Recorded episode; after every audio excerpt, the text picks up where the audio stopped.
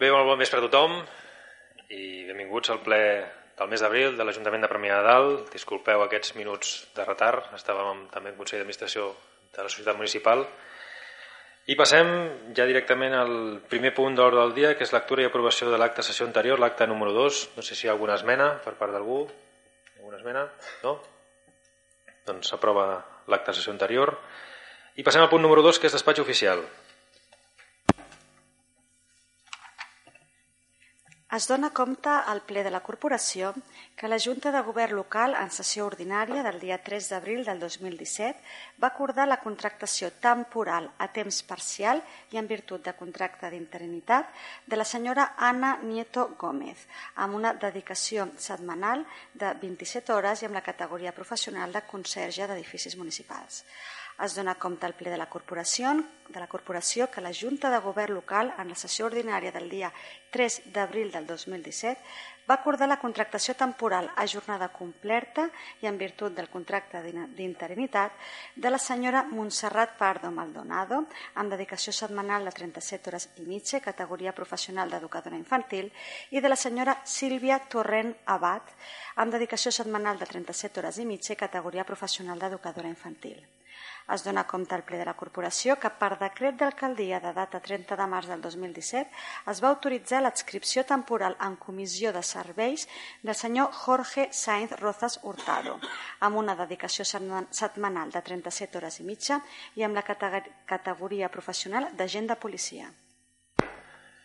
Bé, abans m'he deixat disculpar l'absència del regidor Pedro Bailón, avui per motius personals no podrà ser-hi, eh, que consti en acte que no, que no hi és. I passem al següent punt, dintre de comerç i consum, que és l'aprovació inicial de l'ordenança reguladora del mercat de venda no sedentària del municipi de Premià de Dalt. Abans hi ha una esmena, que passem al regidor perquè us ho comenti. Sí, avui aprovaríem l'ordenança. Eh, hi ha una petita esmena que en l'annex de l'ordenança de mercat ambulant, en comptes de, de 20 parades, eh, surten 20 parades i tindria que sortir 21 que són 13 d'alimentació i 8 de no alimentació. I bueno, que m'accepteu la petita esmena, va haver un petit problema de transcripció de, de tenir que ser 21 i són 20. Moltes gràcies. Es proposa al ple de la corporació l'adopció dels següents acords. Primer, aprovar inicialment l'ordenança reguladora del mercat de venda no sedentària del municipi de Premià de Dalt. Segon, sotmetre l'esmentada ordenança a informació pública per la formulació de reclamacions i al·legacions per un termini de 30 dies hàbils a través de la inserció de l'anunci corresponent al butlletí oficial de la província de Barcelona, al diari oficial de la Generalitat de Catalunya, a un dels mitjans de comunicació escrita diària i en el tauler d'anuncis de la corporació. Tercer, determinar que un cop transcorregut l'esmentat termini d'informació pública, en cas de no haver-hi cap reclamació ni al·legació, l'acord d'aprovació inicial de l'ordenança esdevindrà definitiu. Quart, indicar que, d'acord amb el que estableix la seva disposició derogatòria, l'entrada en vigor de la nova ordenança municipal de l'Ajuntament de Premià de Dalt, reguladora de la venda no sedentària, deixarà sense efecte totes les normes municipals en vigor que regulin els conceptes que són objecte d'aquesta ordenança i tota la normativa d'igual o inferior rang que suposi el contingut formal o procediment de la present ordenança. Molt bé, hi ha algun comentari? Bé, bona tarda. Nosaltres, en, tant en, aquesta, en aquest punt de l'ordre del dia com en el següent, farem una abstenció perquè, per una banda, estem d'acord en que s'han d'actualitzar aquestes ordenances i bueno, podríem parlar de més aspectes durant el període d'al·legacions, però el que hem vist és que hi ha, hi ha un període previ de consulta que, que no acabem de veure bé com s'ha fet perquè es diu que no hi ha hagut suggeriments per part de la ciutadania i en teoria es podien fer aquests suggeriments a través de la pàgina web, però hem vist que no, bueno, segurament no s'ha publicitat suficientment perquè, bueno, de fet, nosaltres mateixos no teníem constància d'això i a la pàgina web no, bueno, no ens havia arribat tampoc ni a la pàgina web ni al correu on arriben les publicacions de la web a la gent que ja està subscrita. Per tant, entenem que bueno, s'hauria de millorar en això i per això fem aquest, aquest vot d'abstenció. Gràcies. Hi ha algun comentari més? No? Doncs passem a votació. Vots a favor de la proposta? Partit Popular, Esquerra Republicana Cor Municipal, PDeCAT, Partit Socialista de Catalunya. Abstencions? Crida Premià de Dalt. I no hi ha vots en contra. Passem al següent punt d'ordre del dia, és de governació, que és l'aprovació inicial de l'ordenança reguladora de l'estacionament limitat de vehicles a la via pública sota control horari del terme municipal de Premià de Dalt. Es proposa al ple de la corporació l'adopció dels següents acords. Primer, aprovar inicialment l'ordenança reguladora de l'estacionament limitat de vehicles a la via pública sota control horari del terme municipal de Premià de Dalt. Segon, sotmetre l'esmentada ordenança a informació pública per la formulació de reclamacions i al·legacions per un termini de 30 dies hàbils a través de la inserció de l'anunci corresponent al butlletí oficial de la província de Barcelona, al diari oficial de la Generalitat de Catalunya, a un dels mitjans de comunicació escrita diària i al tauler d'anuncis de la corporació. Tercer, determinar que un cop transcorregut l'esmentat termini d'informació pública, en cas de no haver-hi cap reclamació ni al·legació, l'acord d'aprovació inicial de l'ordenança esdevindrà definitiu. Quart, indicar que, d'acord amb el que s'estableix a la seva disposició derogatòria, l'entrada en vigor de la nova ordenança municipal de l'Ajuntament de Premià de Dalt, reguladora de l'estacionament limitat de vehicles a la via pública sota control horari del terme municipal de Premià de Dalt, deixarà sense efecte totes les normes municipals en vigor que regulin els conceptes que són objecte d'aquest reglament i tota la normativa d'igual o inferior rang que suposi el contingut formal o procediment de la present ordenança. Molt bé, hi ha algun comentari de la mateixa? Sí, bé, bona nit. Nosaltres farem un vot de... votarem a favor l'ordenança i que consti agrair al regidor, el senyor Tintorer, l'explicació de la reunió de la setmana passada. Va quedar clar i, per tant, creiem que és necessari i, per tant, farem un vot a favor. Més intervencions? El sentit de votació ho he dit abans, abstenció? Sí, sí, simplement el que hem comentat abans era vàlid per les dues. Gràcies. Bueno, a dintre aquest, aquesta zona, el que fem a nivell de Premià Dalt també posar una mica dintre l'ordenança tot el que eren bueno, les zones blaves gratuïtes que tenim en el poble, la primera zona que es va fer doncs, al nucli antic, la segona que es va fer en el barri Santana i fem aquesta ampliació doncs, també cap a la zona Can Vilà i, i Floresta. És una primera fase i valorarem si això més endavant ho anem ampliant, que és gratuït per, per residents i doncs, eh, hem estat dues hores, una hora al nucli antic i dues hores en la zona, tota la zona des del barri Santana fins al Can Vilà, d'estacionament limitat amb dues hores gratuïtes d'aparcament qualsevol visitant que pugui haver. Es deixen unes zones lliures, també per aparcament lliure, però la total totalitat dels residents d'aquella zona tindrien targeta de resident per poder aparcar doncs, dintre la seva àmbit d'actuació. Molt bé, doncs passem a, a votació. Vots a favor de la proposta? Eh, Partit Popular, Esquerra Republicana, Cor Municipal, PDeCAT, Partit Socialista de Catalunya. Abstencions? Crida Premià de Dalt. I no hi ha vots en contra. Passem al cinquè punt, que és d'Hisenda, que és l'aprovació del reconeixement extrajudicial de crèdits. Es proposa al ple de la corporació l'adopció dels següents acords. Primer, aprovar el reconeixement de crèdits a favor dels creditors que figuren a la relació anexa a la present proposta i que l'efecte s'aprova per un total de 5.065 amb 97 euros per prestació de serveis i subministraments i aprovar en allò que calgui les factures on s'han formalitzat. Segon, aplicar amb càrrec al pressupost de l'exercici 2017 els crèdits corresponents a les respectives aplicacions pressupostàries i tercer, comunicar aquest acord al servei d'intervenció. Molt bé, hi ha comentaris? Sí, gràcies, senyor alcalde. Nosaltres en aquest punt votarem en contra. Normalment mai ho fem, eh? En, en aquests temes tan burocràtics, no? Però clar, comencem a mirar la relació de pagaments que s'han d'aprovar i veiem un de l'entitat a l'AMI de 1.115 euros de l'any 2016. I aprofitant que tenim el... vam demanar l'expedient, una mica gruix, però bueno, tenim l'expedient, el llegim, no el demanem per demanar. I veiem una part de l'expedient, això és a més a més, no? però jo, nosaltres ho diem. Uh, hi ha un informe on l'adhesió a aquesta associació és desfavorable en quant al fons dels estatuts reguladors de l'Associació de Municipis per la Independència, atès que la seva finalitat accedeix l'àmbit competencial de l'ens local. Això no és de cap tribunal ni de cap res, això és de la secretària de la corporació. Jo crec que si tenim una secretària que fa el seu treball bé, podríem fer-la cas, no? O què passa? Que si la secretària diu que està malament, no li fem cas, però si està bé, li fem cas. Jo crec que si tenim una secretària li podríem fer cas i en aquest cas no seguir pagant a una associació on ja va dir la secretària en el seu dia i va fer un informe que era desfavorable a la seva adhesió. Per tant, votarem en contra. Molt bé, hi ha més intervencions? Bé, no, només nosaltres votarem a favor, simplement volíem dir doncs, que, que sí que veiem que hi ha algunes factures que es paguen ara i que són de fa bastants mesos i entenem que potser es podrien pagar abans en alguns casos. Uh, sobre l'altre tema, bueno, ja hem parlat moltes vegades, nosaltres considerem que si la majoria de la ciutadania ha votat uns partits que són majoria en aquest Ajuntament i que demanen l'adhesió a l'AMI per seguir el, la petició de, de la gent que els ha votat, doncs, doncs això s'hauria de poder fer i no veiem realment un problema legal tampoc. Molt bé, alguna intervenció més? Doncs passem a votació. Vots a favor de la proposta? Esquerra Republicana Cor Municipal, PDeCAT, Partit Socialista de Catalunya, Crida Premià de Dalt. Vots en contra? Partit Popular. Molt bé, passem ja a l'apartat de mocions. La primera moció és presentada pels grups municipals del PDeCAT, PSC i Esquerra Republicana, que és una moció eh, relativa a la plaga del tomicus i per a una explotació sostenible dels boscos del Maresme. Es proposa al ple l'adopció dels següents acords. Primer, potenciar per part de l'Ajuntament l'associacionisme dels propietaris de parcel·les de boscos a fi d'obtenir les subvencions per als treballs per a l'erradicació de les plagues, especialment del tomicus, així com per afavorir l'explotació sostenible dels boscos. Segon, fomentar xerrades, taules rodones, tallers, etc., en col·laboració amb el Consell Comarcal i dirigits a sensibilitzar aquesta problemàtica tant a la població en general com especialment als propietaris de boscos.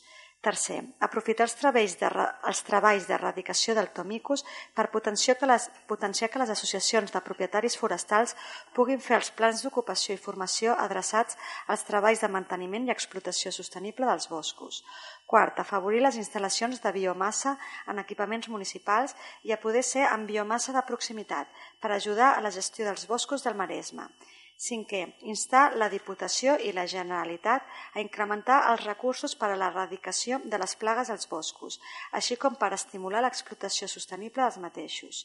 Sisè, traslladar aquests acords a la Generalitat, Diputació i Consell Comarcal, així com als grups parlamentaris del Parlament de Catalunya i a les associacions de propietaris forestals.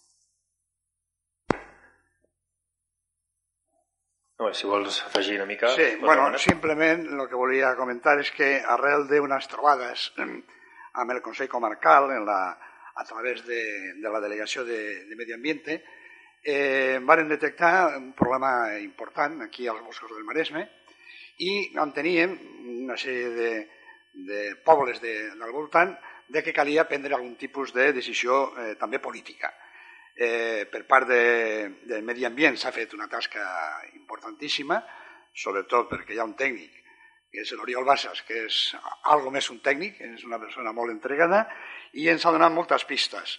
I enteníem que el vehicle més adient per intentar resoldre el problema, no solament del tomicus, sinó també aprofitant el tema del tomicus, de fer un desenvolupament sostenible dels boscos, que són fonamentals per, a, per al Maresme, eh, hem decidit que al final era molt oportú que els ajuntaments s'implicassin a través de mocions i eh, treballassin tot el, que és el tema de l'associacionisme de, dels propietaris, perquè hi ha que tindre en compte que aquí al Maresme aproximadament hi ha uns 5.000 propietaris de, de bosques amb una mitja de 4 hectàrees, amb la qual és molt complicat el poder fer coses eh, directament. Per tant, era molt important que els ajuntaments eh, prenguessin un tipus de, de decisió. No? I per tant, aprofitant, eh, valga el dicho de que no hay mal que por bien no venga, pues aprofitant el tema de, del tema del tomicus, eh, potenciar el, el desenvolupament sostenible dels boscos. Perquè si els boscos s'obtenen un rendiment, els propietaris cuidaran el bosco.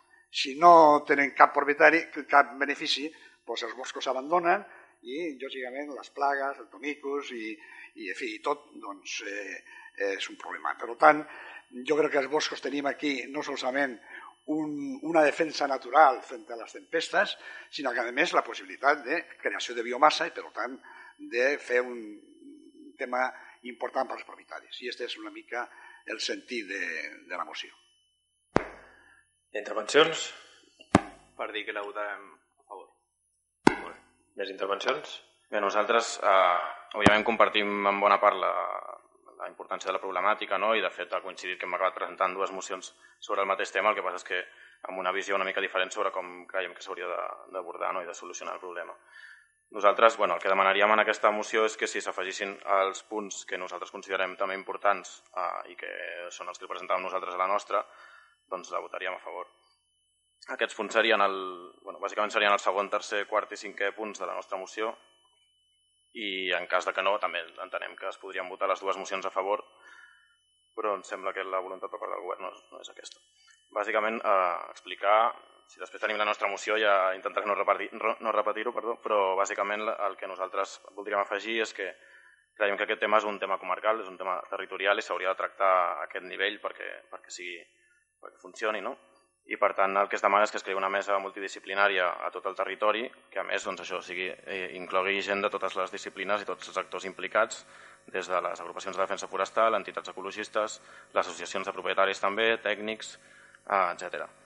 Um, aquesta mesa també la nostra idea és que serviria doncs, no només per aquest tema concret d'ara, sinó precisament per anar treballant en aquesta gestió agroforestal que s'hauria de fer a nivell de territori uh, de cara a un futur, perquè el problema de base de tot plegat és precisament que no hi ha hagut una gestió uh, durant molt de temps, en part pel problema de que tots són uh, propietaris privats. No? Per tant, afegiríem això i, d'altra banda, doncs, garantir que hi hagi informació sobre tot el que s'està fent i quines empreses estan participant uh, en aquestes tasques, contra la plaga i també doncs, que es faci un seguiment dels treballs que s'estan fent perquè hem vist que en alguns municipis doncs, hi ha hagut actuacions que no són correctes. Per tant, demanaríem doncs, aquesta, que s'afegissin aquests punts. Gràcies. Molt bé, jo crec que això es va parlar i ajuntar portaveus i, i, bueno, i a nivell d'això es manté els mateixos punts de la, de la moció i que si us ho voleu afegir a la votació doncs crec que són temes que no, que no direm res.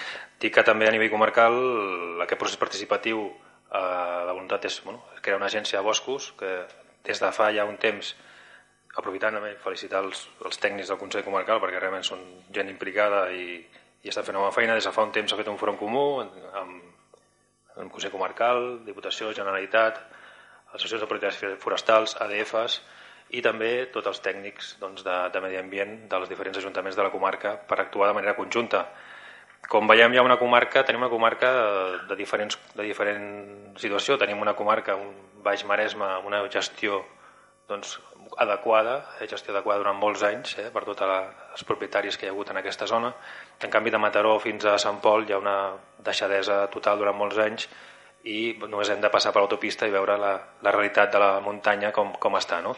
Aquí s'ha fet gestió, s'han aclarit boscos, s'ha creat, doncs, aquestes associacions han participat, en canvi el que és el Maresme Nord, doncs aquesta gestió no s'ha fet adequadament i per tant és important fer un front comú de totes les administracions i via l'agència de boscos serà el moment de fer aquest procés participatiu per l'actuació a curt termini està clara i la tenen clara quina s'ha de ser, per això necessiten més recursos, per això demana tant a Diputació com a Generalitat que donin més recursos per poder actuar doncs, per netejar les muntanyes que en aquest moment doncs, tenim doncs, seques, tant sigui per sequera com, com per tomicos, i, i on s'ha de fer una gestió sostenible a mig termini i a llarg termini perquè la nostra muntanya canviarà, el canvi climàtic doncs, està afectant doncs, l'increment de la temperatura mitjana i doncs, la, la, la, la, la, disminució de les precipitacions que estan havent, doncs el que està fent és que la nostra muntanya, els nostres pins doncs, de tota la vida estan en una situació doncs, eh, incòmoda i dèbil i aquest tomicus, que és un escarbat que està aquí de tota la vida, doncs està afectant, està secant i els està matant. No? Per tant, creiem que, que la manera de, doncs, de gestionar és via aquesta front comú que ja des de fa un temps que porta defensa. Des de l'any 2012 hi ha informes del Consell Comarcal alertant doncs, aquesta plaga i realment doncs, les actuacions estan fent des de fa aproximadament un any. Hi ha hagut unes aportacions per part de la Generalitat i Diputació, però creiem que són insuficients per poder actuar a tot el territori que hi ha en aquest moment malmès. No? Per tant, passem a votació de la, la proposta. Vots a favor d'aquesta proposta? Bueno. Partit Popular. Partit Popular... Puc parlar un segon? Sí. És que només anava a contestar. No, no, que el tema de... Bueno, simplement remarcar que el tema de que hi hagi una agència tècnica que es creï ara, doncs nosaltres considerem que també faltaria doncs, aquesta, aquesta vessant també més, més ciutadana de les entitats i, de, i més política de gestió que creiem que en aquest cas hi falta, per això seguim pensant doncs, que seria una, una mesa encara més, encara més àmplia. Gràcies. Aquí la diferència és que aquesta agència de boscos ha de fer aquest procés participatiu amb tota tota la gent, igual que els ajuntaments o les missions fan processos participatius, aquesta agència és la que ha de vehicular perquè tot sigui a nivell homogeni a tota la comarca. No? És la diferència de criteri que hi ha. No? i més proposada pels, per la part doncs, també tècnica que creu la més eficient per gestionar aquest problema que tenim ara. No? Per tant, passem a votació. Vots a favor. La diferència que ha dit no és la que és, però vaja. Gràcies. La proposta? Partit Popular, Esquerra Republicana de Catalunya, PDeCAT, Partit Socialista de Catalunya. Vots en contra? Abstencions? Crida Premià de Dalt. Molt bé, passem a les següents mocions presentades pel grup municipal de la Crida Premià de Dalt.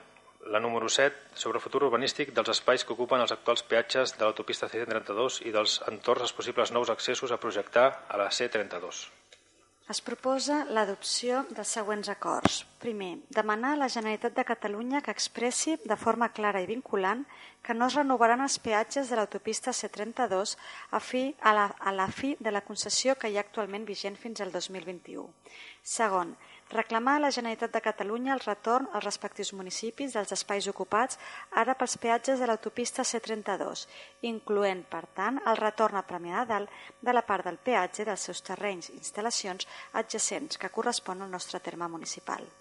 Tercer, iniciar els estudis urbanístics i de mobilitat anticipatoris necessaris per tal que, en el moment en què s'alliberin els peatges i, en el nostre cas, el que connecta l'autopista amb la carretera de Vilassar, que afecten part al nostre terme municipal, quedin blindats urbanísticament els espais que ara ocupa aquest peatge físic, els vials, accessos, instal·lacions respectives i els entorns immediats, amb una perspectiva de restitució del bé comú, paisatgístic i ecològic d'aquests espais públics i els seus entorns, impedint que la seva classificació urbanística futura generi pols d'atracció de projectes immobiliaris o comercials generadors de mobilitat insostenible.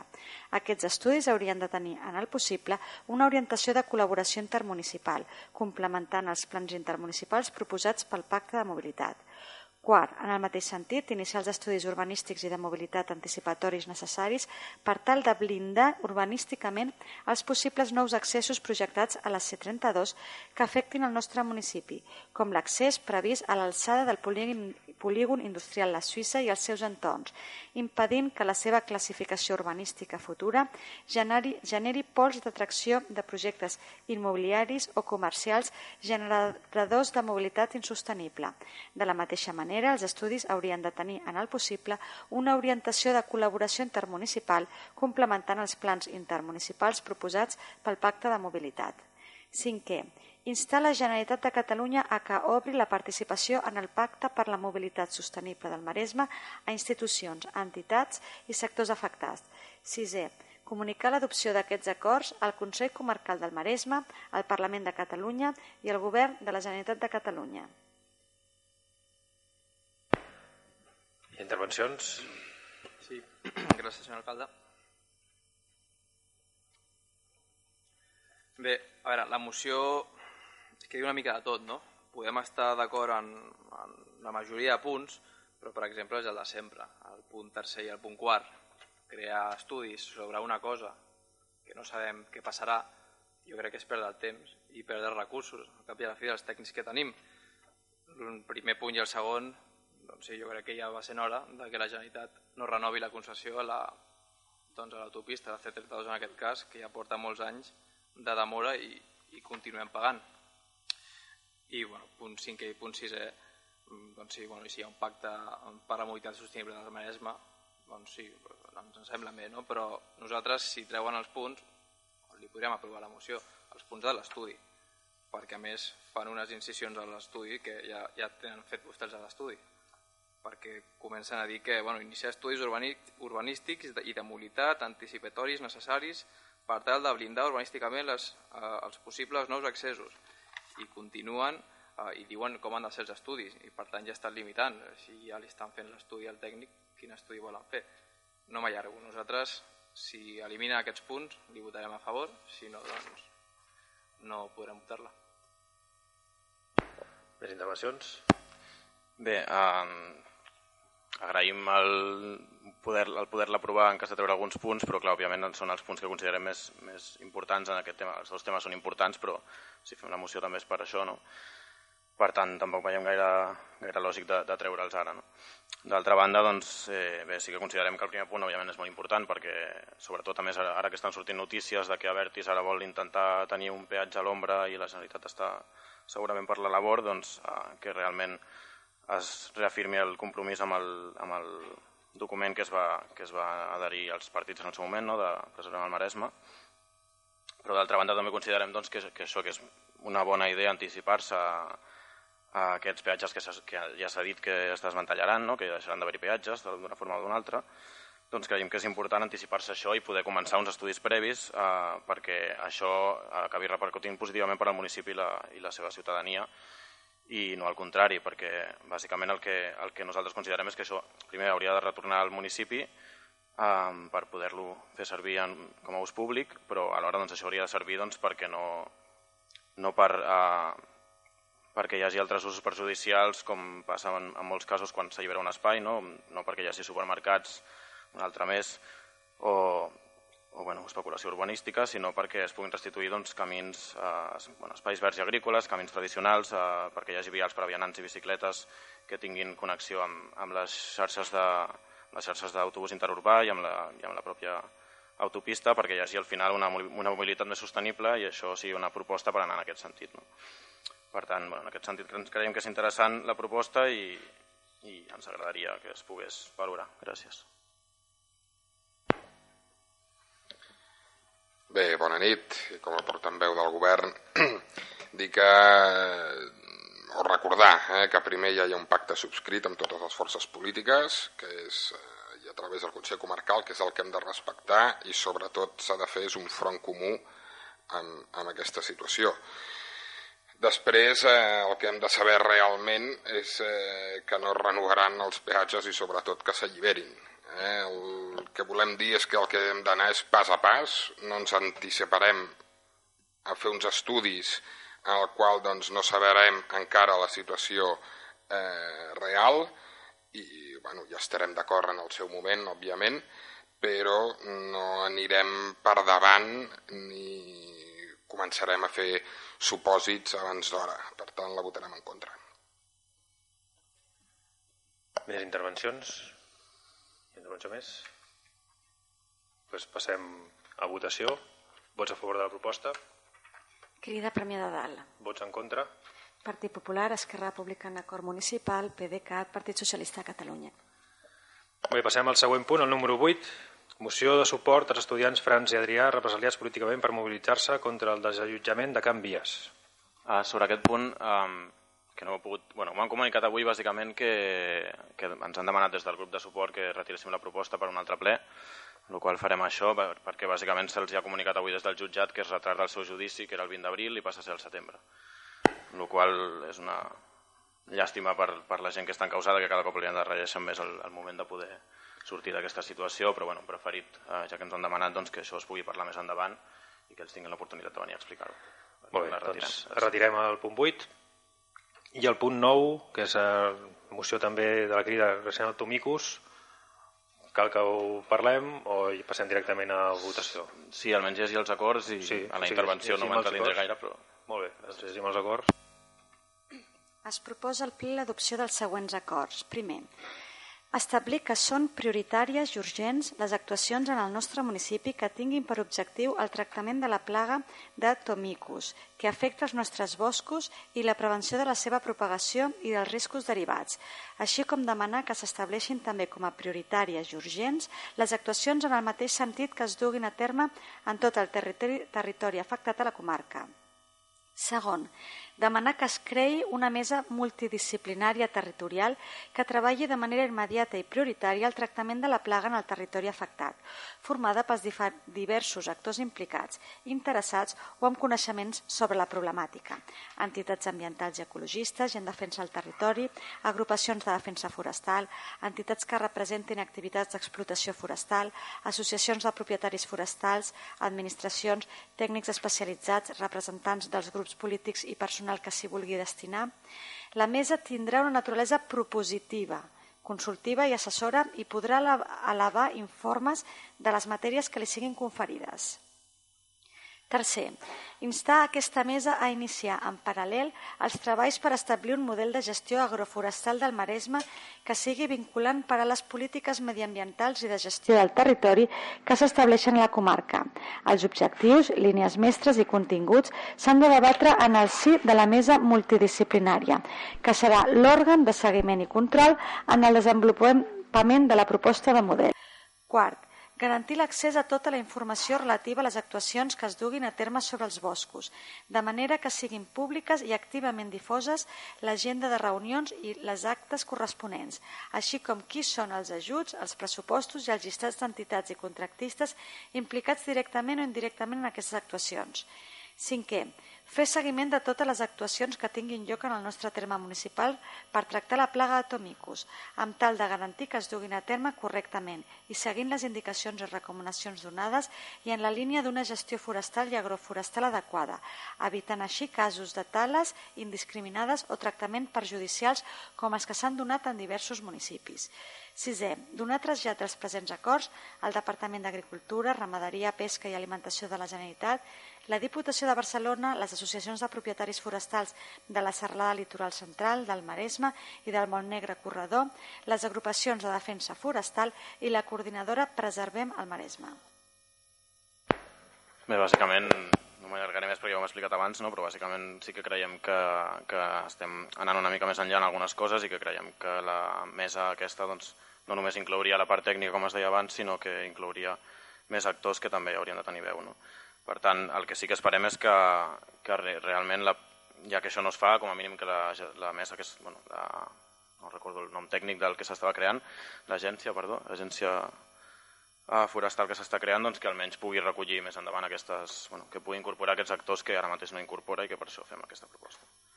Per tant, seguirem treballant i esperem que es pugui fer conjuntament. Gràcies. Molt bé. Hi ha alguna intervenció? Nosaltres, per coherència, la, farem vot d'abstenció perquè acabem de votar a favor una pràcticament idèntica, canviant un parell de punts, que si li demano que els, que si li demano que els treguin serà la mateixa pràcticament. Per tant, farem vot d'abstenció i acabem de, acabem de votar una fa pràcticament 5 minuts, que és igual. Per tant... Molt bé, doncs passem a votació. Vots a favor de la proposta? Crida Premià de Dalt. Vots en contra? Esquerra Republicana Cor Municipal, PDeCAT, Partit Socialista de Catalunya. I abstencions? Partit Popular. Molt bé, en aquest punt passem a informes de regidories. Ja ens comencem. Hola, bona nit. Uh, bé, des de joventut, uh, primer de tot, abans d'informar, m'agradaria una pregunta que em van fer des del Partit Popular, que vam contestar sobre el Festival de Grafitis, que vam dir que el teníem previst per l'abril, Uh, Dir-li que des de l'institut, aquest any que ve, entra com a director un mestre que és de plàstica i de disseny i de dibuix. Com es diu? Visual i plàstica. Visual i. No, el, com es diu el mestre? Bueno, no ho sé ara mateix. Ho has sentit? Molt bé. Doncs ens ha demanat expressament que a ell li agradaria realitzar això des de l'institut també, conjuntament, i que si ho podíem deixar-ho per l'any que ve, per fer aquest projecte visual i plàstic des de l'Institut en col·laboració amb l'Ajuntament. Per tant, no ho farem ara el mes d'abril, però tenim aquest compromís. A banda d'això, dir-vos, recordar-vos que tenim el divertit. Eh, ara és aquest Festival de la Infància i la Joventut per Setmana Santa. Dir-vos també que com que ara ja no l'organitza una entitat, només es fa dos dies, dues tardes, abans se'n feien tres i s'havien arribat a fer fins i tot quatre. Quan una cosa s'organitza des de l'Ajuntament, eh, no és el mateix que ho faci una entitat, que tothom col·labora altruistament, per tant, només ho podem fer dos dies, però la nostra voluntat és seguir organitzant aquest festival per tots els nanos i, jo i joves, infants del poble. Dir-vos que des del 15 i 16 d'abril, dissabte i diumenge, a la tarda, al pavelló multiesportiu. També dir-vos que el passat dimecres dia 5 van venir aquí a la sala de plens a tots els alumnes de l'Institut Valerià Pujol, de tercer d'ESO, per fer la presentació dels seus projectes sobre l'Ajuntament Jove i fer les votacions eh, tal com les fem en, els, en les eleccions ordinàries i generals de, del nostre poble. Estaven molt nerviosos, ho van fer, ho van fer molt bé, van sortir tres projectes i avançar-vos que el proper ple vindran ells mateixos a explicar-vos públicament, a posar-vos en coneixement quins són els tres projectes que han guanyat i es duran a terme amb aquests diners que aporta l'Ajuntament per l'Ajuntament Jove. També recordar-vos des de Cultura que el dia 22 d'abril, al vespre, farem la vetllada poètica de Sant Jordi, eh, a càrrec del Mario Gas a la lletra i a l'Orestes Gas a la guitarra, i com ja us vam avançar, si el temps ho permet, és possible que ho fem al pati de Sant Jaume a dins d'un iglu de vent. També dir-vos que el diumenge 23, que hi ha al Torrent Santana, hi ha les paradetes de, de Sant Jordi, al pati de Sant Jaume també com sempre, totes les entitats posaran la seva paradeta i com l'any passat muntarem aquesta espècie de plató de ràdio i televisió que vam fer l'any passat, amb la ràdio, amb Premiada del Mèdia, i tindrem el micro obert per tothom, per tothom que vulgui explicar, preguntar, llegir un poema, compartir sobretot notes culturals o el que vulgueu. Eh, també recordar-vos que el dia 1 de maig, ja sé que és maig, però com que és el dia 1 ho avanço en aquest ple, si no, no hi seríem a temps, que tenim la plec de la Cisa, amb la Fira d'Artesans, amb totes les activitats sardanes, habaneres, la paella popular, però que també, com l'any passat, s'incorporaran a l'ofici solemne els gegants, com l'any passat, i a més a més enguany també hi haurà l'esbarla expulsada que després de la missa farà una exhibició d'un ball ofrena a la Verge de la Cisa i a la Vila de Premià de Dalt amb música de Josep Cots. I dir-vos que des de la Comissió de Festes hem convocat un concurs pel cartell de la Festa Major perquè participin joves de sisè i primer d'ESO veïns de Premià de Dalt, de totes les escoles i, encara que no vagin a l'escola aquí a Premià, però de sisè i primer d'ESO, perquè volem que els nens tinguin ganes de ser grans per, per poder dissenyar el cartell de la Festa Major. A partir de demà estaran les bases penjades a la web de l'Ajuntament. Moltes gràcies.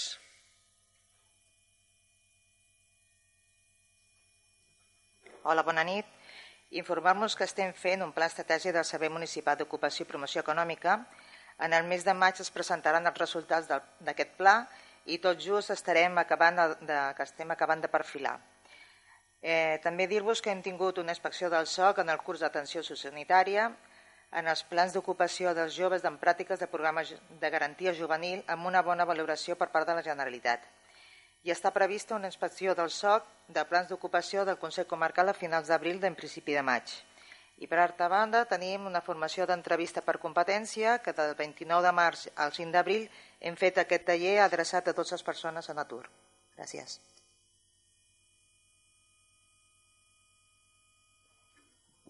Hola, bona nit. Eh, el divendres 21 d'abril a les 19.30 hores inaugurem una exposició al museu. L'exposició es diu La transcendència infinita, mort, vida i art es tracta de les troballes producte de la intervenció arqueològica realitzada l'any 2011 a l'àrea de Santana, a Can Noia, i complementada amb una mostra d'art dels artistes de Premià de Dalt sobre la transcendència, la vida i l'amor. Això complementarem una sèrie de reflexions i debats sobre la transcendència en diferents cultures. Això és el dia 21 d'abril i la tindrem fins a l'1 de juliol eh, permanent. En l'àmbit de consum, el dijous 27 d'abril a les 17 hores al Centre de Formació Permanent de la plaça del Milenari fem una xerrada de taller sobre les clàusules sol. Es diu tot el que necessitem saber sobre les clàusules sol i el públic assistent es té que fer prèvia inscripció, però el públic assistent podrà portar la seva escriptura d'hipoteca, de préstec hipotecari i podrà fer les seves consultes pertinents sobre si li afecten aquestes clàusules o no en un moment que ja sabeu que ha sortit unes sentències que obliguen al retorn de, de les mateixes. En l'àmbit de promoció de la vila, és una col·laboració entre promoció de la vila, museu, ensenyament i comerç. Eh, ja sabeu que enguany les escoles del poble treballen l'Odissea i Ulisses. Ja en van veure una mostra important amb la fantàstica participació a la Rua de Carnaval, amb el vaixell i la coreografia amb els diferents personatges de l'Odissea que van poder gaudir.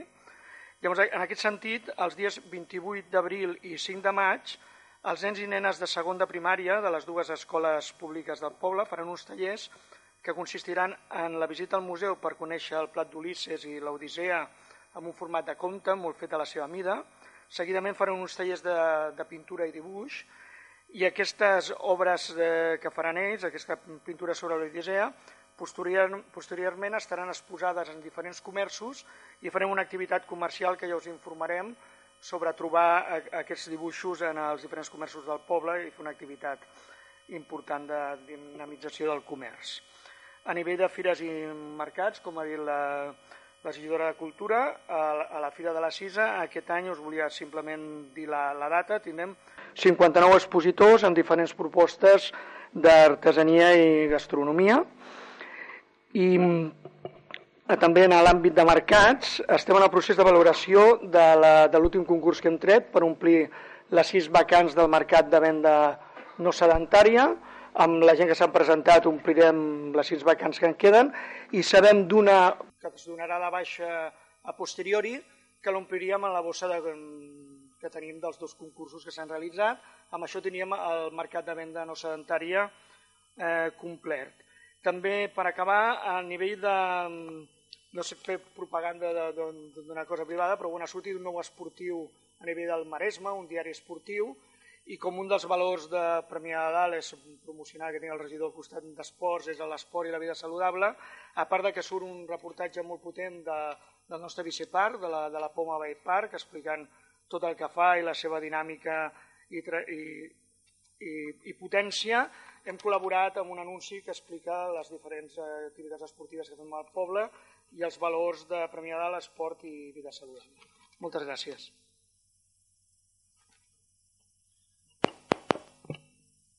Bé, bona nit.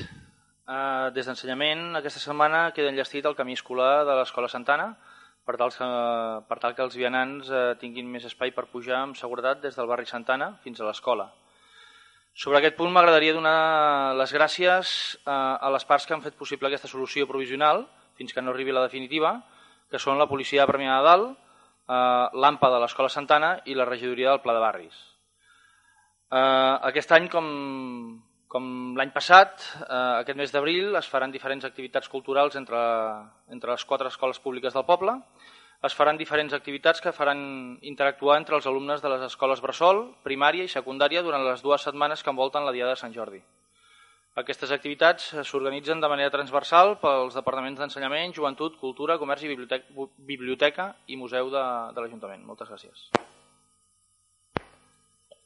Molt bé, doncs passem Nosaltres a preguntes. De... Volíem, des de la crida volíem dir un parell de coses. Escolta una cosa, l'informe de regidories és amb regidories de delegació.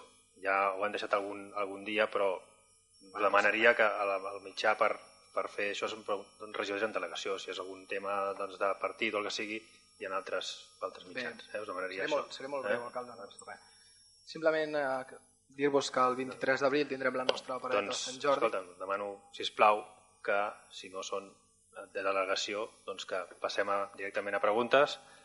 Per tant, passem a les preguntes sí. del grup municipal del Partit Popular. Abans de res, un tema que no és de partit, que és sí. de l'Ajuntament, i no va donar temps d'entrar-ho per pregunta. I mm. fem la pregunta. I si voleu, la contesteu, doncs, i si no, no. Es, jo us demanaria que... Molt breu, molt, si... breu, molt breu, molt breu.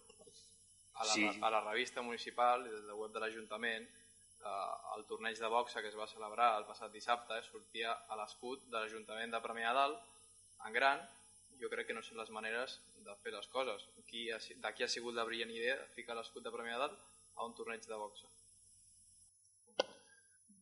això ràpidament és de dir, no és un torneig de bosc, és una activitat que col·labora l'Ajuntament de Premià Dalt, per tant, com qualsevol activitat que col·labora, doncs fa... Però no s'informava que col·laborava, sortia no, l'escut i directament... Fa que col·labora a nivell, però sense dotació econòmica, però col·labora, com qualsevol activitat que fa qualsevol entitat en el nostre poble. No? Està bé, no? Passem a preguntes, eh? preguntes del Partit Popular. La pregunta número 10, que relativa a la revista, i us demanaria també pregunta-resposta, que siguem el màxim d'àgils possible. Relativa a la revista municipal La Pinassa. ¿Por qué motivo el número de la Pinasa de marzo salió con más de dos semanas de retraso? Sí, bona nit, senyor regidor, bona nit a tothom. Es deu purament a un, un motiu administratiu, com ja ens vam comprometre a iniciar la legislatura, volíem licitar els serveis relatius a la pinassa i així ho vam fer i fins que no es va produir l'adjudicació definitiva no vam poder encarregar a la impremta que imprimís aquella edició que com ja hauran vist la, el número d'abril de fet va sortir abans de que comencés el mes per tant cap problema, simplement havíem de guardar les formes per recomanació de la senyora secretària i esperar que es donés, es donés a terme l'adjudicació definitiva. La número 11, relativa a l'enllumenat del municipi. Últimamente se ha detectado que las luces de las farolas se encienden a deshoras y en algunas zonas del municipio en ocasiones ni se encienden. Eh, ¿Sabe esta, este suceso el ayuntamiento? ¿La regulación de luz pertenece al ayuntamiento o a la empresa contratada? Sí, bona nit a tothom. Bueno, com eh, ha entrat una nova empresa, eh, manteniment de l'enllumenat públic, i se li ha fet l'encàrrec de deixar tot l'enllumenat públic en condicions, amb bombetes foses, el que fos, deixar-ho a punt. Què passa? Que sí que normalment es trobem ara en una, una temporada que hi ha les llums enceses, com no són les 12 al migdia, però clar, per poder arreglar les llums hem d'encendre per poder comprovar si estan foses o no estan foses. Molt bé, la número 12, relativa als darrers actes vandàlics en el municipi. Este último mes se han quemado tres coches en el municipio. ¿Se sabe la causa? ¿Qué plan tiene a corto plazo el equipo de gobierno para rebajar el creciente vandalismo? Bé, dir que efectivament s'han cremat tres cotxes de manera puntual. El primer que es crema és a, a Can Vilà. L'altre que es crema és per proximitat el cotxe doncs, que, ja, que ja cremava. Actualment, aquest cas en concret doncs, l'està investigant la unitat d'investigació dels Mossos d'Esquadra i l'altre doncs, va ser el camí de la Pedrera on destacar aquí doncs, un cop més la, la gran tasca de la policia local en el qual van poder enxampar infraganti el, el, la persona doncs, que, que va fer doncs, el, el cremar el cotxe. Per tant, és un fet puntual perquè ens en tenim que anar anys enrere si hem de trobar un altre cotxe cremat. Molt bé. La número 13, relativa a les entrevistes realitzades als portaveus dels grups municipals. Sí, volvemos a formular la pregunta que hicimos en el pasado pleno porque el señor Costa mintió. ¿A qué motivo se debió que las entrevistas a los portavoces del grupo del mes de febrero se colgaran en la página de Premiada del Media con casi un mes de retraso? Senyor regidor, com comprendrà, necessito saber en base a què vostè fa aquesta acusació no? pública? Doncs miri, perquè vostè va dir que l'entrevista a l'alcalde es va fer tres setmanes després i l'entrevista a l'alcalde es va fer el mateix dia de sempre, el següent dilluns, al ple ordinari del mes de març. I bàsicament, el mateix dia 20, després que l'alcalde fes l'entrevista, des de la ràdio es va enviar a Premià del Mèdia totes les entrevistes amb la capçalera, que per cert es va penjar l'entrevista sense capçalera ni la imatge nova que es va fer des de la ràdio. Bueno, senyor regidor, l'entrevista que es va fer pública a les xarxes socials de la de l'empresa adjudicatària és la que fa referència a l'entrevista que va fer el senyor alcalde no a la ràdio, sinó posteriorment. L'alcalde fa més d'una entrevista que comprendrà vostè. El criteri pel qual el senyor periodista decideix i que és l'únic interlocutor vàlid, perquè com vostè comprendrà, eh, les decisions que prenem des del Departament de Comunicació les consensuem, doncs en aquest cas amb l'adjudicatari director de l'empresa. Ell em va transmetre literalment la resposta a aquesta pregunta del mes de març, estem repetint, això sembla el dia de la marmota al final, i jo li convidaria a rellegir, com ja ha fet, la transcripció de l'acte i remetre's a aquella resposta. Més que res per no avorrir la gent, que ja ple rere ple seguim amb aquesta obsessió malaltissa d'un expedient administratiu que és perfecte. No, no, no, no, és que jo ara estic parlant i suposo que respectarà el meu torn de paraula. Perquè ja, com que ja fa temps que estem en aquest, en aquest tema, jo vull deixar clar a la ciutadania d'aquest poble que les calúmnies que constantment es profereixen des del seu grup municipal, no a mi, ja m'és igual, sinó a Secretaria d'Intervenció, que abans m'ha agradat una frase que ha fet, no? diu, tenim una, una secretària que fa la feina bé, i si diu que està bé, per què no li hem de fer cas? Això ho deia vostè referència a l'AMI. M'ha vingut com anillo al dedo, que diuen. Escolti'm, si la senyora secretària fiscalitza un expedient, la senyora interventora fiscalitza un expedient, vostè, RQR, amb el mateix expedient, jo li dic i li convido públicament a que si té proves de que administrativament s'ha comès una il·legalitat, vagi al jutjat i ens veiem al jutjat, si ja en té pràctica vostè d'això. Per tant, deixem ja el tema, posem llum, una mica de llum perquè la ciutadania sàpiga que on vostè posa foscor no n'hi ha. No n'hi ha, perquè aquí la transparència en els expedients administratius hi és. Pot donar fe a la senyora secretària i la senyora interventora que avui no hi és present. I en relació a aquest tema, aquest tema que vostè diu, estem parlant d'unes entrevistes que venen o van una setmana més tard, eh, perquè si revisa l'històric, si revisa l'històric, la mitjana és de dos, entre dos i tres setmanes a posteriori del ple, com va succeir aquest últim número, aquest últim mes, escolti'm, la resposta ja li vaig donar en el mes de març, és la mateixa la resposta d'abril i per tant no afegiré res més. Contestaré Bé, per, contestació pel que dit. Bueno, ràpida. doncs, si vostè fa cas al excandidat de Convergència i Unió el 2011, disculpi el director de la de l'empresa que porta la comunicació Premià Dalt, doncs bueno, nosaltres diem, l'entrevista es va fer el dia 20 de febrer. Vostè diu que es va fer, o vostè, o aquesta persona, que es va fer després. I ja que treu el tema de la contractació, que en aquest tema no volíem parlar d'això, però bueno, ja que vostè ho treu, el traiem. No es preocupi, no es preocupi que perquè la gent ho sàpiga, això ja està de camí a Fiscalia Anticorrupció perquè es va cometre una il·legalitat en aquesta contractació i tindrà vostè notícies. Gràcies. Molt bé, doncs passem a la següent pregunta. Estem a la número 14, relativa a la portada de la revista municipal La Pinassa. Sí, tenemos una policía local que hace una excelente labor y vela por la seguridad de todos los vecinos las 24 horas del día, los 365 días del año.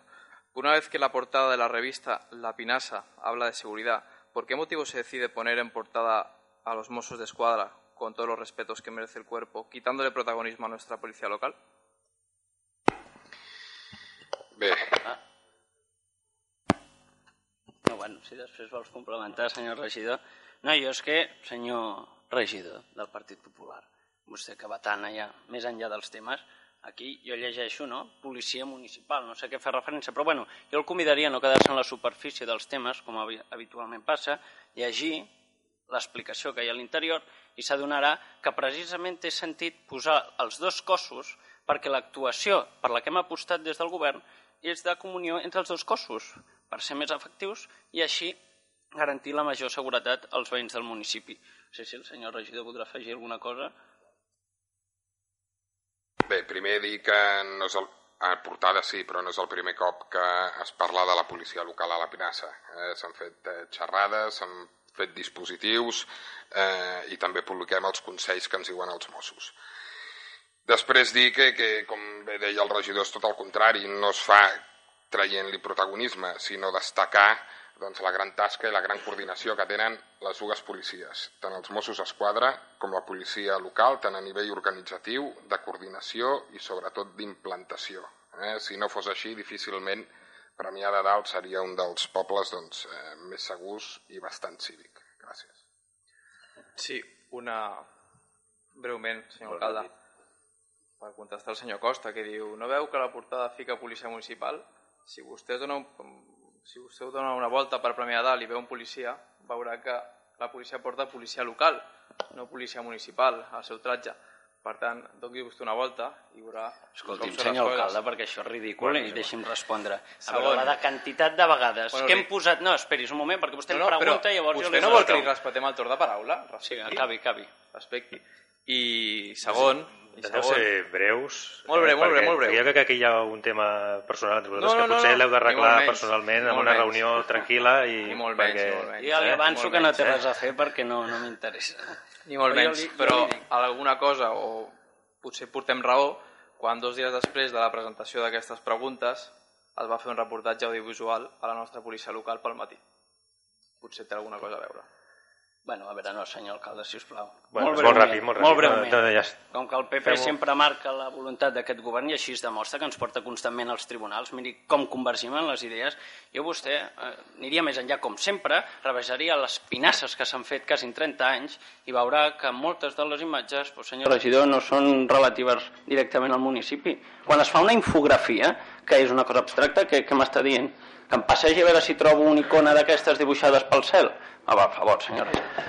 Vinga. Senyor Costa, la soberbia va deixar a casa el proper dia. Vinga, passem a la següent pregunta. És relativa al multiesport jove.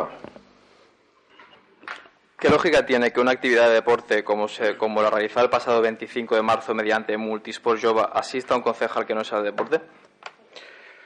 A veure, si em permet, bona nit, eh, contestaré jo. A veure, aquesta activitat d'entrada s'organitza des de la regidoria de Pla de Barris i està oberta a qualsevol, a qualsevol voluntari que, que, que es vulgui presentar a fer una proposta eh, de donar a conèixer un esport que normalment doncs, la, els nanos que, que van a practicar o a fer aquest, aquest tallers d'alguna manera eh, difícilment poden conèixer.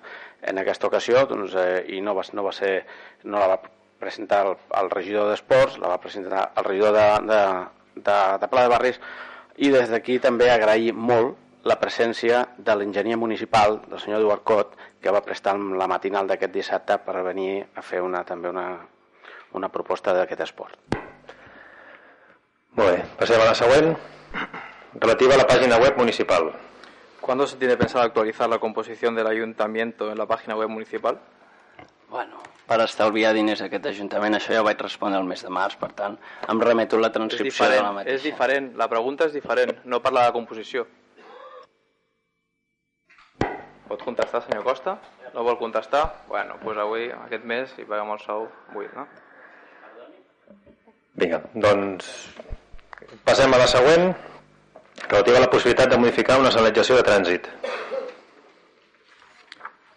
¿Puede el ayuntamiento modificar la señalización de tráfico existente en una vía perteneciente a la Diputación de Barcelona?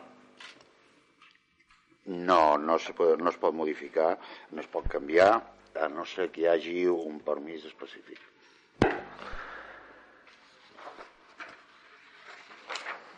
Molt bé, passem a les preguntes. Ara, grup municipal de la Crida de Premià de Dalt, la número 18, relativa a si ha arribat als centres educatius o a les AMPAs la campanya LGTBI fòbica. Si ha arribat al centre educatiu o a les AMPAs el llibre ¿Sabes lo que quiere enseñarle tu hijo en el colegio? Las leyes de adoctrinamiento sexual que va contra la llei 11 barra 2014. Uh, sí, va arribar un llibre a cada escola per tal que si els interessava els enviarien el, els enviaven més uh, a una escola no li va interessar va desestimar a demanar-ne més i l'altra tampoc els va interessar però a través d'un mestre de l'escola es va enviar l'escrit del llibre uh, a l'associació a, Panteres, a l'associació Panteres Grogues que ho van portar a l'Observatori de l'Institut Català contra l'Homofòbia i aquests ho van passar a la Generalitat Vale, merci. La 19, relativa a l'arribada tardana de la revista municipal La Pinassa del mes de març. Bueno, és més del mateix. El que entenc que has dit que era un problema exclusivament de, del tema impressió. Perdoni? O sigui, és sobretot el tema d'impressió, la licitació de... No, s'ha fet licitació de la impressió i del repartiment, també. D'acord? Vale. Digui, digui. No, llavors com és que la revista no està publicada al web fins també a mitjans de, de mes? Bueno, va, normalment quan ho enviem a impremta és un criteri que seguim, que seguim habitualment. Ja. Just quan entra en impremta és quan es publica la revista al web municipal. Al que, municipal. no, és que cada, cada dos per tres hi ha problemes amb la revista, no sé si s'ha plantejat. No, quin problema més No sé, hi ha? cada, cada ple ha d'estar disculpant-se d'alguna cosa que ha Jo passat no m'he amb la revista. disculpat de res, li dic Bueno. que fins que no va haver l'adjudicació definitiva no es va poder fer, com comprendrà no puc encarregar una feina si no està adjudicada. Tenim, tenim un problema més gran, que és que aquesta revista, en comptes de semblar una revista municipal, que a més sembla la revista de- d'un sistema totalitari on qui no pensa com ells, doncs uh, Molt bé. se la parla. Jo crec que el, el mes d'abril no hi ha hagut cap problema. Que jo sàpiga, el mes d'abril tot s'ha fet correcte s'ha de... i jo, jo també exigeixo Tal que... com mol- molts altres cops, eh? que- Molt bé. Perfecte, doncs a la número 20, relativa a les audiències públiques. Quantes audiències públiques van realitzar durant el 2016? Es té previst fer-ne alguna els propers mesos? Sí, bona, bona nit. El 2016 em sembla que no es va fer cap audiència pública i sí, sí que tenim previst fer al llarg d'aquest any alguna audiència pública. Encara no tenim dates, però sí que es té previst fer-ne. Mm, bueno, simplement ho, ho comentàvem perquè ens vam comprometre i en aquí en el butlletí està publicat que l'Ajuntament convocarà un mínim de dues audiències públiques a l'any. Doncs, si són conscients, més que res, perquè com m'has dit que l'any passat no es va fer ninguna i de- d'aquí res ens anem a l'estiu i s'acaba l'any. Tinguin No. present. Perdoni, és que com que la regidora és nova al departament, potser no. Aquesta, això que vostè fa referència és el reglament que vostè es va abstindre després de dir que votaria a favor. Eh, ens comprometíem al govern, que va entrar, a més, en aprovació definitiva al setembre, si no recordo malament, senyora secretària. Per tant, si anem comptant un any, el que teníem previst era fer ara, per finals maig-juny, no suposo, un seguit d'audiències públiques no donant compte de l'acció de govern tal i com ens vam comprometre. Ah, nosaltres, com hem vist que no hi havia fins a l'hora d'ara, recordar-ho, que ens hem compromès. Molt bé. Molt bé, passem a la número 21, relativa a la porteria de la pista de la petanca. Bé, quan s'arreglarà o substituirà la, la porteria i quant temps fa que està en mal estat? Hem vist que, bé, com moltes preguntes que entrem, entrem pregunta i automàticament es soluciona el problema, cosa que ens alegra, però bueno, quant de temps fa almenys que la porteria estava en mal estat? A veure, la porteria s'ha... Eh, bueno, en quan a nosaltres ens va arribar que estava en mal estat, es va baixar, es va comprovar i s'ha canviat. Si en comptes d'entrar la pregunta a ple, agafa, si vostè o qui sigui veu que hi ha qualsevol problema a qualsevol, i ja no només eh, de porteria, sinó qualsevol desperfecte, eh, no ens esperem al ple, eh, truquem, avisem i ens posem mans a l'obra. Eh, en quan van entrar la pregunta eh, ens vam assabentar i s'ha posat mans a l'obra, no perquè entressin la pregunta, sinó perquè ens vam assabentar. Bueno, nosaltres vam publicar-ho abans, vam fer-ho arribar a les xarxes i més d'una vegada jo mateix he trucat al Martín Toré explicant-li problemes que hi havia i... Bueno, aquesta és la via. Però la, les xarxes no és de l'Ajuntament. O sigui, eh, en comptes de publicar-ho a, a, a, a les xarxes, si truquen a l'Ajuntament, eh, ens, ens, podrem, ens podrem posar... Molt bé, passem a la següent, relativa a la solució del camí a l'escola Santana. Quin projecte de previsió hi ha respecte a la solució provisional per un camí segur cap a l'escola Santana, pel torrent Santana? Eh, què es farà i en quins terminis? Bé, com abans s'ha anunciat ja en, en l'informe de regidories el, el regidor de, d'ensenyament, eh, durant aquesta setmana ja s'estan fent els treballs, estaven esperant que arribessin un mobiliari, mobiliari urbà per col·locar allà i el que es farà serà provisionalment reforçar la senyalització horitzontal, eh, també la informativa en vertical i es col·locarà, s'habilitarà un espai, un espai per poder el vianant doncs, poder pujar amb, amb tota seguretat cap a, cap a l'escola. A partir d'aquí, doncs ja des de finals de l'any passat hi han carregat el projecte que ja, que ja venia eh, dintre de, de Pla de Barris, que és el camí escolar amb el qual doncs, hi, ha, hi ha una enginyeria que ja està, està dissenyant eh, com ha, quedar, ha de quedar aquest, aquest camí. Per tant, quan tinguem aquest projecte sabrem la, el període d'execució, d'execució tenim previst que sigui cap al 2018. El definitiu, eh? El sí, definitiu. Sí. Molt bé, passem a la 23, relativa a la pavimentació de la plaça de la Vila. Eh, per quin motiu s'està pavimentant la plaça de la Vila si no estava previst? Bé, ja s'ha pavimentat. S'ha consultat aquest canvi? Quines modificacions en la contractació de les obres o noves contractacions ha comportat aquesta actuació i quins són els costos afegits? Gràcies. Bé, un cop acabat l'arranjament de l'antic Ajuntament, es va creure convenient actuar sobre la plaça, doncs quedava doncs, una miqueta amb, amb malestar, amb males condicions, va ploure precisament aquells dies i les basses que hi eren i els mateixos veïns que en el seu dia deien que la plaça havia de quedar amb sorra estaven reclamant pues, que es fes el canvi i es posés en plaça dura. Com que en el seu moment hi havia uns diners que es podien dedicar a això, eh, es va prendre la decisió d'actuar i fer la plaça dura referent amb el tema de la contractació i el d'allò, tenen tot l'expedient a dalt per poder-lo repassar i, i tindre-lo a les seves mans. No, és que més, més que res que ens sobtava perquè es va fer un procés de participatiu ja fa anys, el 2014, sobre aquest tema i la proposta que havia sortit guanyadora amb bastanta diferència no pavimentava la plaça, el projecte posterior tampoc, per tant, que ara no s'hagi consultat a tota la ciutadania i de cop es pavimenti, no em sembla la millor manera de fer-ho. Molt bé, passem a la següent, la 24, relativa a la petició d'informació sobre empreses contractades. Ah, bé, on, això parlàvem d'una instància que vam entrar en concret al desembre, demanàvem informació sobre una empresa contractada per l'Ajuntament per realitzar un servei públic i demanar, bueno, en aquesta pregunta el que preguntem és si aquesta empresa té facturació pública d'un o més ens eh, de més del 20%, és a dir, si la seva facturació és um, en quant a facturació pública és més del 20% del total del seu volum de facturació o no? Gràcies. Sí, bona nit, Ui, sí, bona nit senyor regidor. Jo ara mateix no em queda clar si li van respondre o no a la instància. A la instància se'ns va dir que no se'ns podia donar aquesta informació, però entenem que se'ns hauria de poder donar perquè la llei de transparència especifica que si és el cas, si aquesta empresa té un 20, més d'un 20% de, del volum de facturació eh, com a facturació pública, ens haurien de donar aquesta informació.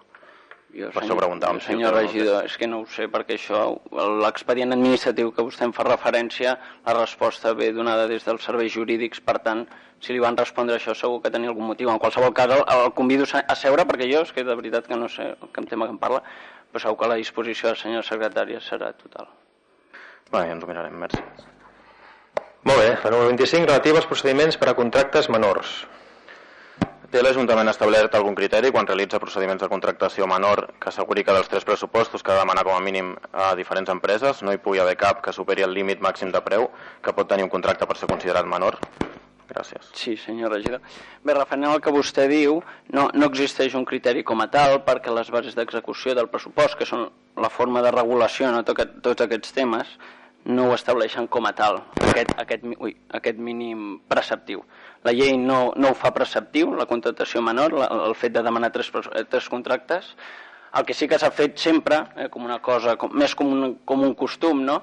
és comparar, sobretot a criteri tècnic, doncs els serveis que t'ofereix una empresa respecte d'altres. Bàsicament, perquè és l'històric de, del que és l'acció de govern ja li dic, no existeix un, un, un, un preceptiu, no és preceptiu legalment, per tant no existeix un criteri com a tal. Normalment doncs, una mica de sentit comú i, i el que el tècnic més o menys estimi oportú. Bé, no, simplement remarcar que considerem que això s'hauria de tenir en compte com a criteri perquè hem vist diferents casos en què, en què, en què passa això, no? demanes tres pressupostos i només n'hi ha un, curiosament, que realment pot ser considerat contracte menor. Per tant, al final només es pot adjudicar una de les tres empreses i això ho hem vist en diferents ocasions. Per tant, eh, creiem que s'haurà de solucionar. Gràcies. Sí, tots els dubtes que tingueu en contractes, la seva secretària està a disposició per, per aclarir-lo quan faci falta. La número 26, relativa als informes previs a les obres d'urbanització de la CISA. S'han fet prèviament a iniciar les obres d'urbanització del sector a la CISA, tots els estudis, informes i anàlisis dels diferents impactes que generaria i podria generar la urbanització d'aquest sector. Quins estudis, informes i anàlisis en concret s'han fet? Gràcies. Bé, vostès saben que totes les llicències són d'ordre col·legiat. Per tant, s'han passat tots els paràmetres que marca la llei amb la seva correcta tramitació en tots els casos.